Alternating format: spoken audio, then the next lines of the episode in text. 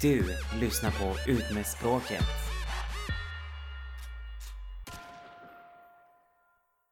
Hej, och idag har vi ett litet annat upplägg så jag är lite nervös om ni märker rösten. Och det är bara för att det var länge sedan jag var med två killar samtidigt. Så välkommen Alexander och Alexander! Tack så mycket. Jag heter Alexander. Ja, kortfattat så driver jag också en podd som heter eh, Rakt in i väggen. Den handlar om utmattningssyndrom, men vi lyfter även upp eh, fler ämnen som PTSD, stress, prestation eh, med mera.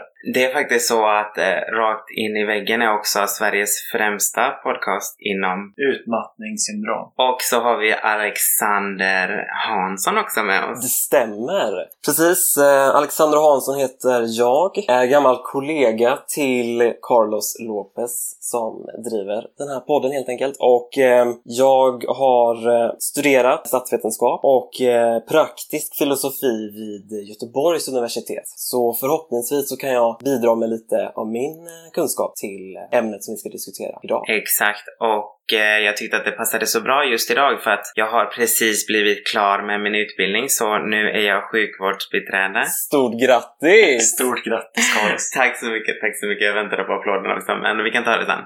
Så WHO har haft i sina rekommendationer att vårdpersonal som jobbar med covid-patienter och själva blir sjuka i tjänsten ska gå före i vårdkön. Men vårdprofessionen har i Sverige sagt nej till att gå före i covidkön. Så vad tycker ni? Ska man gå före eller ska man ställa sig i den kön som alla andra? Alltså det är en jättespännande fråga. Jag kan förstå hur de tänker när det kommer till att prioritera vårdpersonalen framför övriga människor därför att man behöver vårdpersonalen i vården nu. Men jag har ändå svårt att tänka mig att man ska prioritera en viss grupp framför en annan. I Sverige så råder eh, principen att alla ska få vård efter behov. Om jag är väldigt sjuk så måste en annan person som är mindre sjuk än vad jag är eh, vänta på att få vård. Så det är alltid en prioritering i hur svårt sjuk en viss person är. Jag tror att den linjen är, eh, är bättre att följa än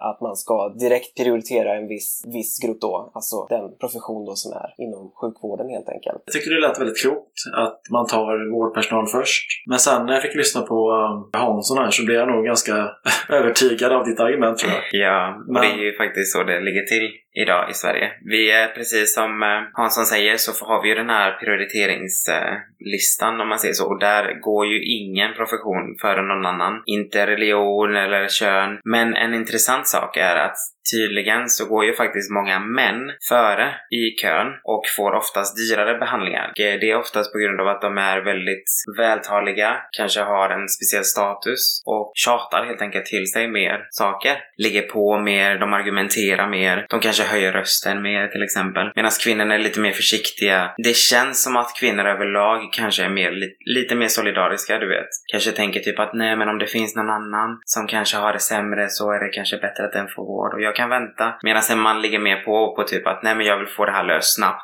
Och jag tror att vi funkar så allmänt. Eller vad tror du, Mr Statsvetare?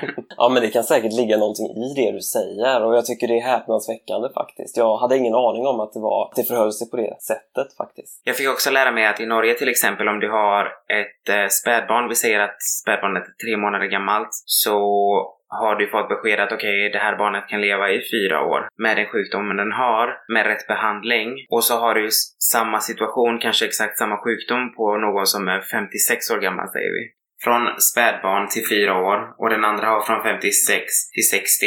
Alltså du har fyra år på båda personerna. Men i Norge så väljer man alltså att prioritera de som är yngre. I det här fallet så såg det här spädbarnet då som som sagt förmodligen inte kommer ha några minnen. För när börjar man få minnen? Typ när man är två, tre, fyra. Framför den här 56-åringen som faktiskt fortsätter att jobba eller gör vad han vill egentligen sina sista fyra år. Kanske reser då jorden runt. Han har ju ändå en möjlighet att verkligen leva, förstår du? Medan ett spädbarn har ju inte så mycket mer till val än att bara suga på tuttar. Och jag vet inte vad det är för slags liv.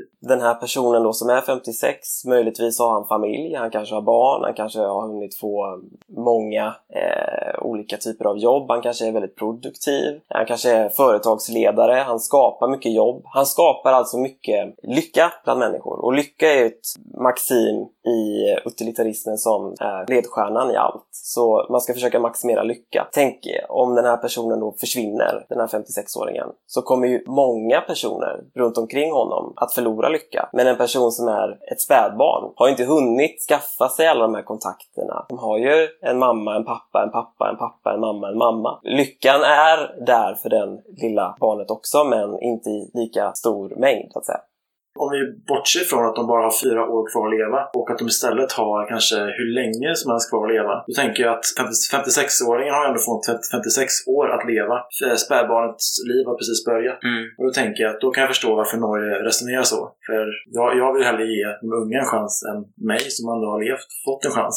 Men så måste vi också säga det jag har lärt mig nu då, eftersom jag har blivit sjukvårdsbiträde, är att eh, det är sjukt bra sjukvård i Sverige. Alltså vi har ju verkligen varit bortskämda med det. Vi har ju oftast överopererat människor. Alltså det, det är människor som man har tänkt typ så här: okej okay, men den här personen kan verkligen inte överleva. Men man har ändå gett den en behandling. För att man tänker att ah, ja men vi försöker med den här också. Så man har liksom verkligen gått längre än vad man hade behövt och vad många andra länder gör och tagit på sig den kostnaden för att vi har haft råd att göra det. Men nu blir situationen lite annorlunda när vi hamnar i en pandemi som vi är i just nu att okej, okay, nu kan vi inte riktigt ge de här 5 eller 20 miljoners behandlingar till folk hur som helst. Och då kommer ju prioriteringslistan och hela den här in. Och även om det är svårt, thank God har vi inte kommit dit för att vi har ju, vi har ju intensivvårdsplatser över i Sverige. Vi har inte haft det problemet att man har egentligen behövt välja på det sättet. Men vi kan komma att komma dit. Och då är det nog rätt så bra att ställa sig in på att okej, okay, men hur kommer de prioritera?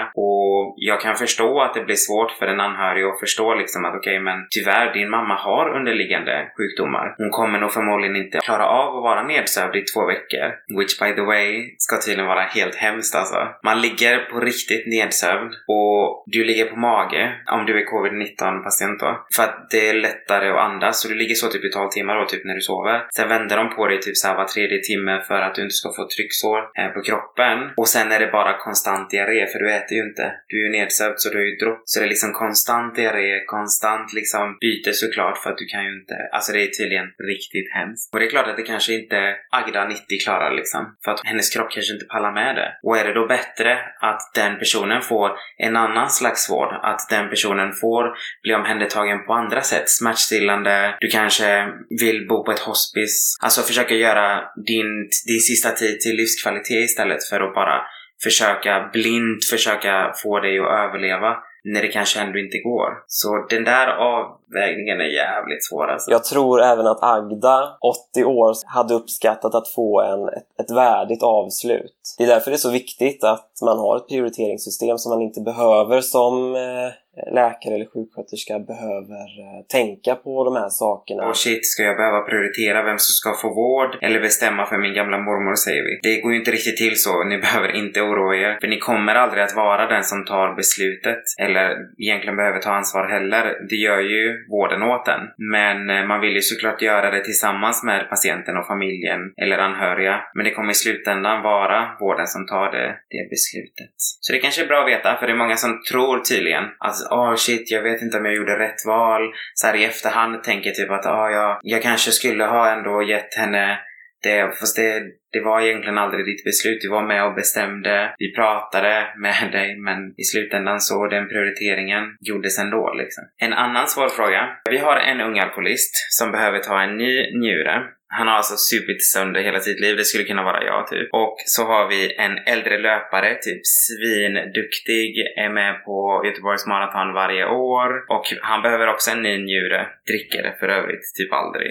Vem ska man prioritera? Eh, den här personen som är ung då och har supit mycket har ju faktiskt en möjlighet att Eh, ändra på sitt liv. I exempelvis USA då så finns det ju personer som har rökt eh, mycket och eh, där får man också ställa sig i kö och eh, så rangordnas man då på en lista. Wow. Och så när man kommer upp till plats nummer ett eh, så ringer läkaren till dig och så säger läkaren att ja, vi har en ny njure då eh, som du har sjukdom i. Du kan få den här njuren men på ett villkor att du väljer att sluta röka. Och då säger du givetvis självklart vill jag det. Förhoppningsvis säger du det. Och då slutar du röka röka. Och om du då kommer in till sjukhuset och du kan visa på att du har inget nikotin i blodet så får du den här chansen. Du får behandlingen då. Och jag tycker det exemplet är väldigt bra. Det kan vara en morot exempelvis. Wow, det där lät jävligt amerikaniserat alltså.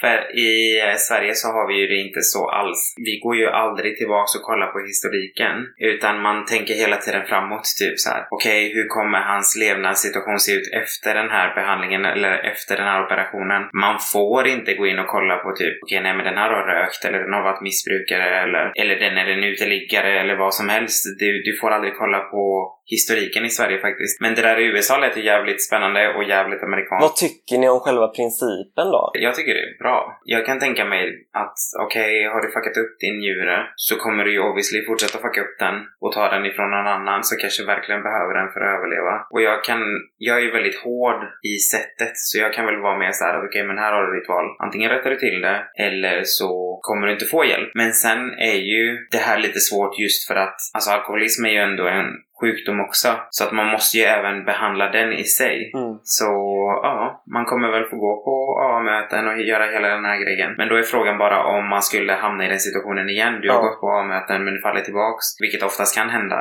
med alla slags missbruk. Får man då en chans till eller är det så här kört? Det hade jag undrat hur USA hanterar en sån grej.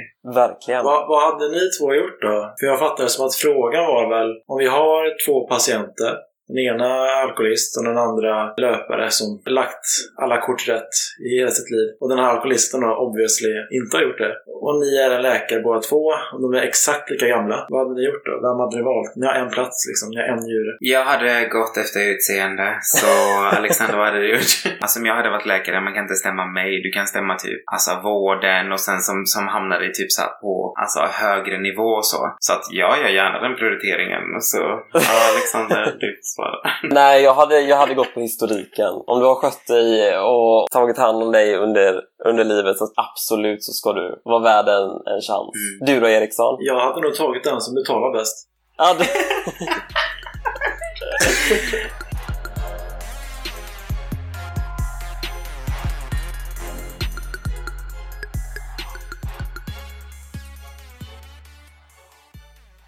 De kommer ju börja nu eh, från och med nästa vecka faktiskt att testa personalen. Men de kommer göra de här testerna som tydligen, det, det ser ut som en liten diskborste typ. Man stoppar först in den i halsen och sen stoppar du exakt samma in i näsan, typ jättelångt bak. Tydligen skitäckligt. Men det, det är så man testas och det, den där säger ju bara om du är sjuk just nu. De tar ju inte blodprover ännu, men det kommer ju komma och de som kommer testas först är ju då sjukvårdspersonal och sen därefter kommer räddningstjänsten och sen samhällsnyttiga funktioner. Och sen i slutändan typ the public. Jag fattar det som att det här viruset är inte så jättemycket farligare om man bara kollar på själva viruset och hur det ter sig i kroppen. Jag fick höra någonstans att eh, om det är 2-1% dödlighet eller mindre. Mindre än 1%. Carlos kanske bättre koll på det här. Ja, den är mindre än 1% där. Men det, det, som, det som är det värsta med corona det är väl att det är väldigt, väldigt smittsamt? Va? Alltså den är inte väldigt... Du har ju två olika sorters uh, smittor. Typ luftburen smitta är till exempel mässling. Det är, alltså även om jag bara är lärare och mm. bara står här längst fram och ni alla elever sitter ner så kommer alla i det rummet typ ha fått det. Även om jag inte har varit nära er för det är sjukt smittsamt. Det är därför vi får det vaccinet typ när vi är små. Jag kommer inte ihåg när man fick det men man har tydligen alla fått det typ. Men däremot uh, covid-19 det är ju uh, droppsmitta. Det vill säga att du måste ha fått den droppen typ i munnen eller näsan eller ögonen typ. Och det gör ju att bara egentligen vi håller avstånd eller inte står så här face to face eller för nära. Vi kan ju fortfarande undvika det. Det var ju någon som frågade i min klass till exempel om man sitter bredvid någon på bussen som kanske är smittad. Får man den smittan också då? Det funkar ju inte riktigt så. Man tror att det är väldigt osannolikt att man blir smittad bara av det. Du har ju helt rätt, Carlos. Sen finns det ju någonting som kallas för R-talet. Vad är då då R-talet. R står för reproduktion. R-talet är mindre än en i Sverige. Och det innebär ju då att om en person är smittad, hur många personer kommer den här personen att föra smittan vidare till som inte är smittade? Och den är under, alltså den är mindre än en person. Och det är positivt. Ja, definitivt. Och sen ska man också tänka att vi är ju ett av de folken i världen som lever mest själva. Alltså vi har ju så många singelhushåll som gör att du är ju inte i närhet precis på samma sätt som kanske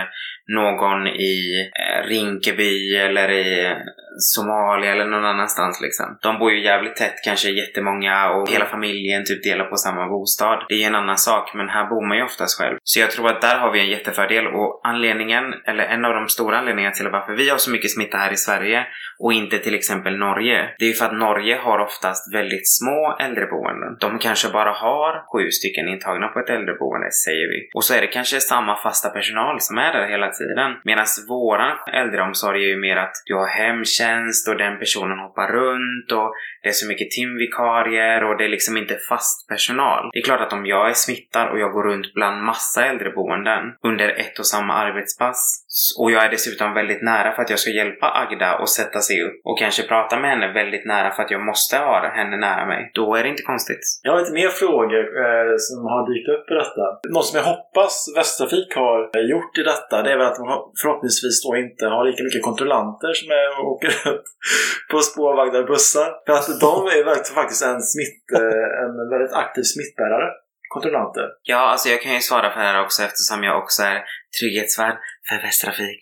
Så jag kan ju meddela att kontrollanter eh, hoppar inte på spårvagnen och kollar eh, biljetterna som det ser ut just nu i Göteborg. Utan eh, de kollar innan du kliver på, oftast på bussar. Så de står utanför, kollar en biljett innan du kliver på.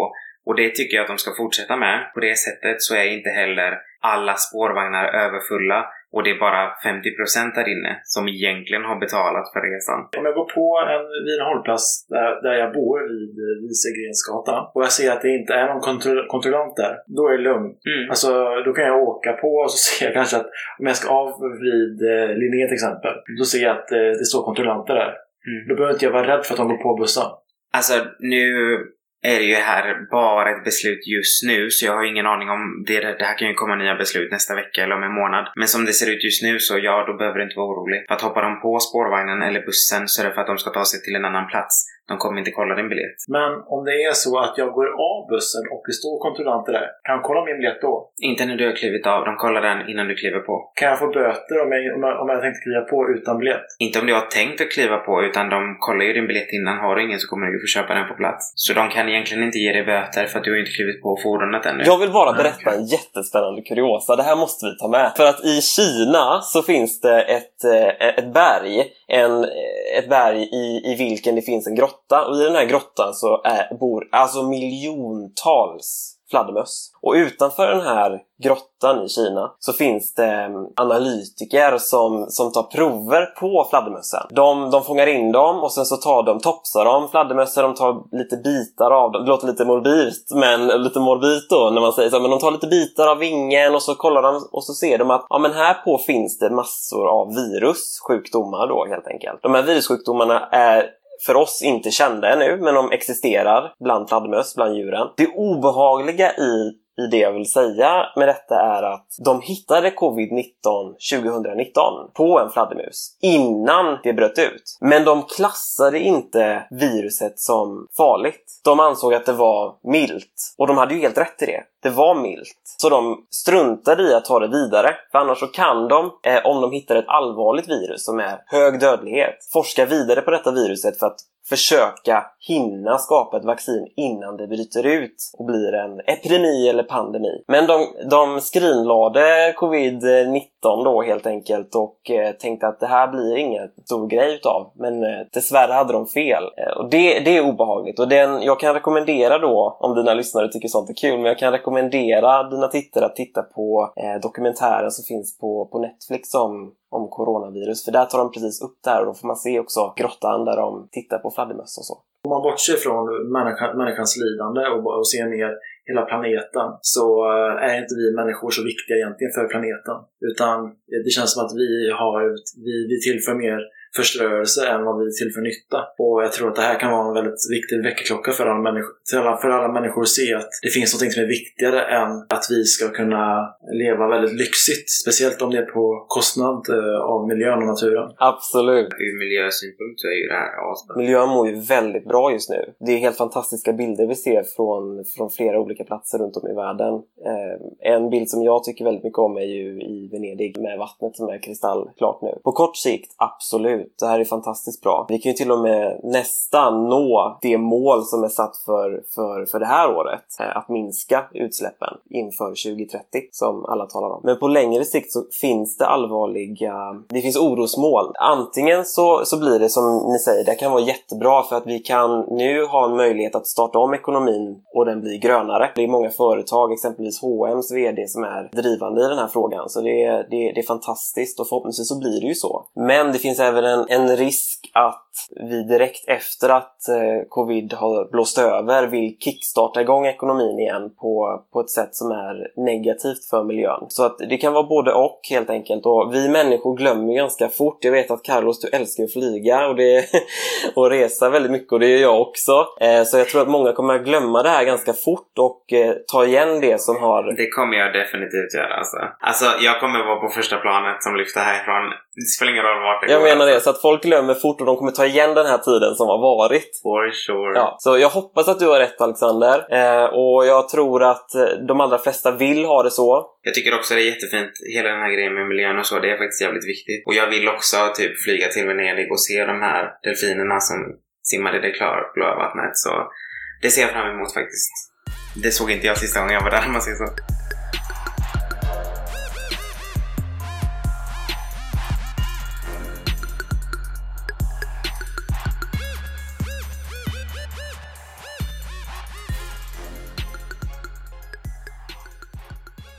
Jag är ju så glad nu att jag har ju gått den här utbildningen då.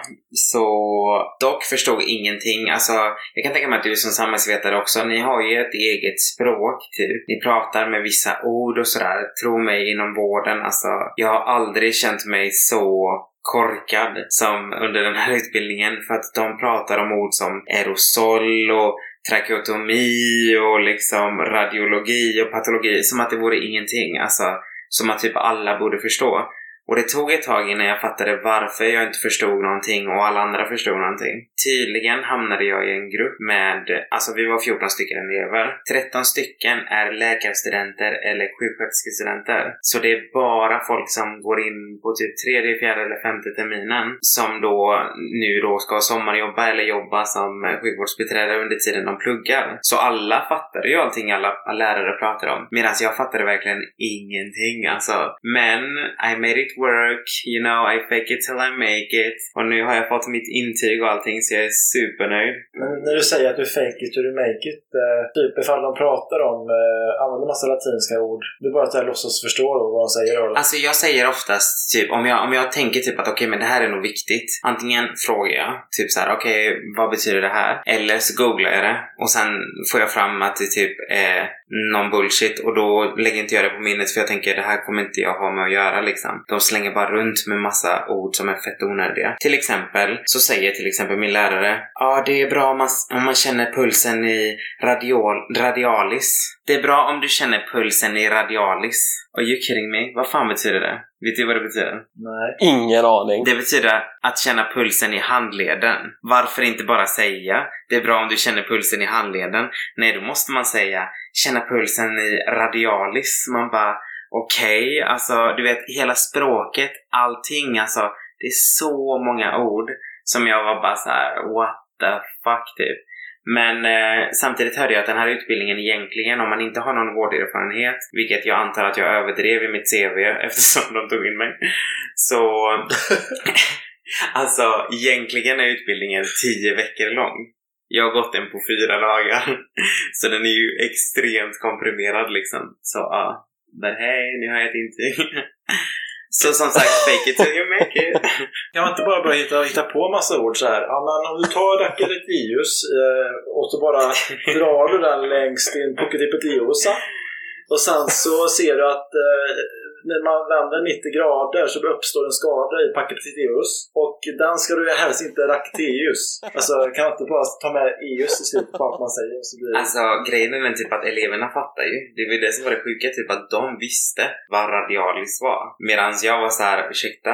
Och då förklarade hon, oj förlåt, eh, ja. Och sen så förklarade hon vad det är då. Nej men jag tänker typ så här att när jag väl kommer ut, nu är jag klar med utbildningen, men när jag väl börjar jobba, jag kommer ju fan fråga om allt liksom. Jag kommer ju fråga så fort jag inte fattar någonting för att jag pratar svenska Okej. Avslutningsvis då vill jag bara säga att bara fyra patienter som ligger på intensiven kräver 16 personal. Alltså det är sjukt mycket personal. För det är liksom, de går i pass och bara de ska vända på personen, vilket de måste göra och som sagt göra var tredje timme så är det ju en person som bara ska ha koll på respiratorn, en som bara ska ha koll på huvudet, en som bara ska ha koll på benen och så vidare. Alltså det kräver, och tänk dig att jobba också med de här, alltså all den här utrustningen, du vet så här, det är varmt, det sitter åtta pers där inne som alla andas i respiratorer. Alltså det kan inte vara kul. Jag, kom, jag kan säga så här att jag kommer inte vara där. Jag sa från början att jag kunde tänka mig att göra det, men desto mer jag har hört om det så tänker jag hell no, I'm not going to do that. Eh, också så är det viktigt att tänka typ för er som typ tänker ah, nej men jag ska inte söka vård för att eh,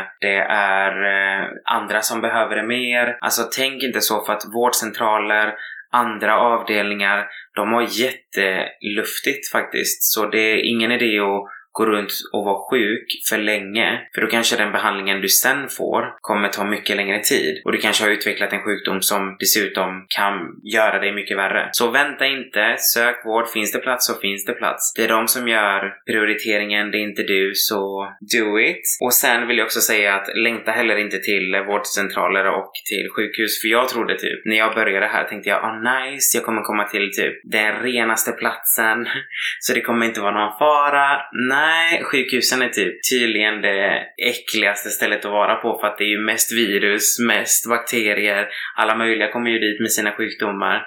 Så jag har verkligen fått en riktig reality check. Så don't be there. Därför är det också viktigt, typ så här, som vårdrelaterad, um, vårdrelaterade infektioner eh, drabbar ju var tionde patient. Så till exempel om jag inte har skött min, min uh, hygien, min basala hygien, så kanske jag har smittat den ena Alexandern med någonting som den andra Alexandern hade bara för att jag inte har tänkt på att skölja, byta ut grejer. Så att det här är jätte, jätteviktigt faktiskt. Så håll inte er kvar på sjukhusen bara för att ni tänker nej men jag vill vara kvar här för att jag vet inte om det är god mat ännu men det är ingen semester. Get the fuck out of there. För att det är verkligen, det är verkligen riskabelt för varje dag man är kvar där så don't be there. Och är det så att mina chefer nu kommer och säger typ okej okay, men du får eh, jobba på covid-19 avdelningen så kommer jag bara säga nej jag tror inte det för att jag har faktiskt eh, läst att fler män drabbas så därför tillhör jag riskgruppen. Och med de orden så vill jag bara tacka för idag och så hörs vi igen om två veckor. Tack så mycket Alexander. Tack själva. Tack själv Carlos och Alexander Hansson. Trevlig helg! Trevlig helg! Trevlig helg Carlos!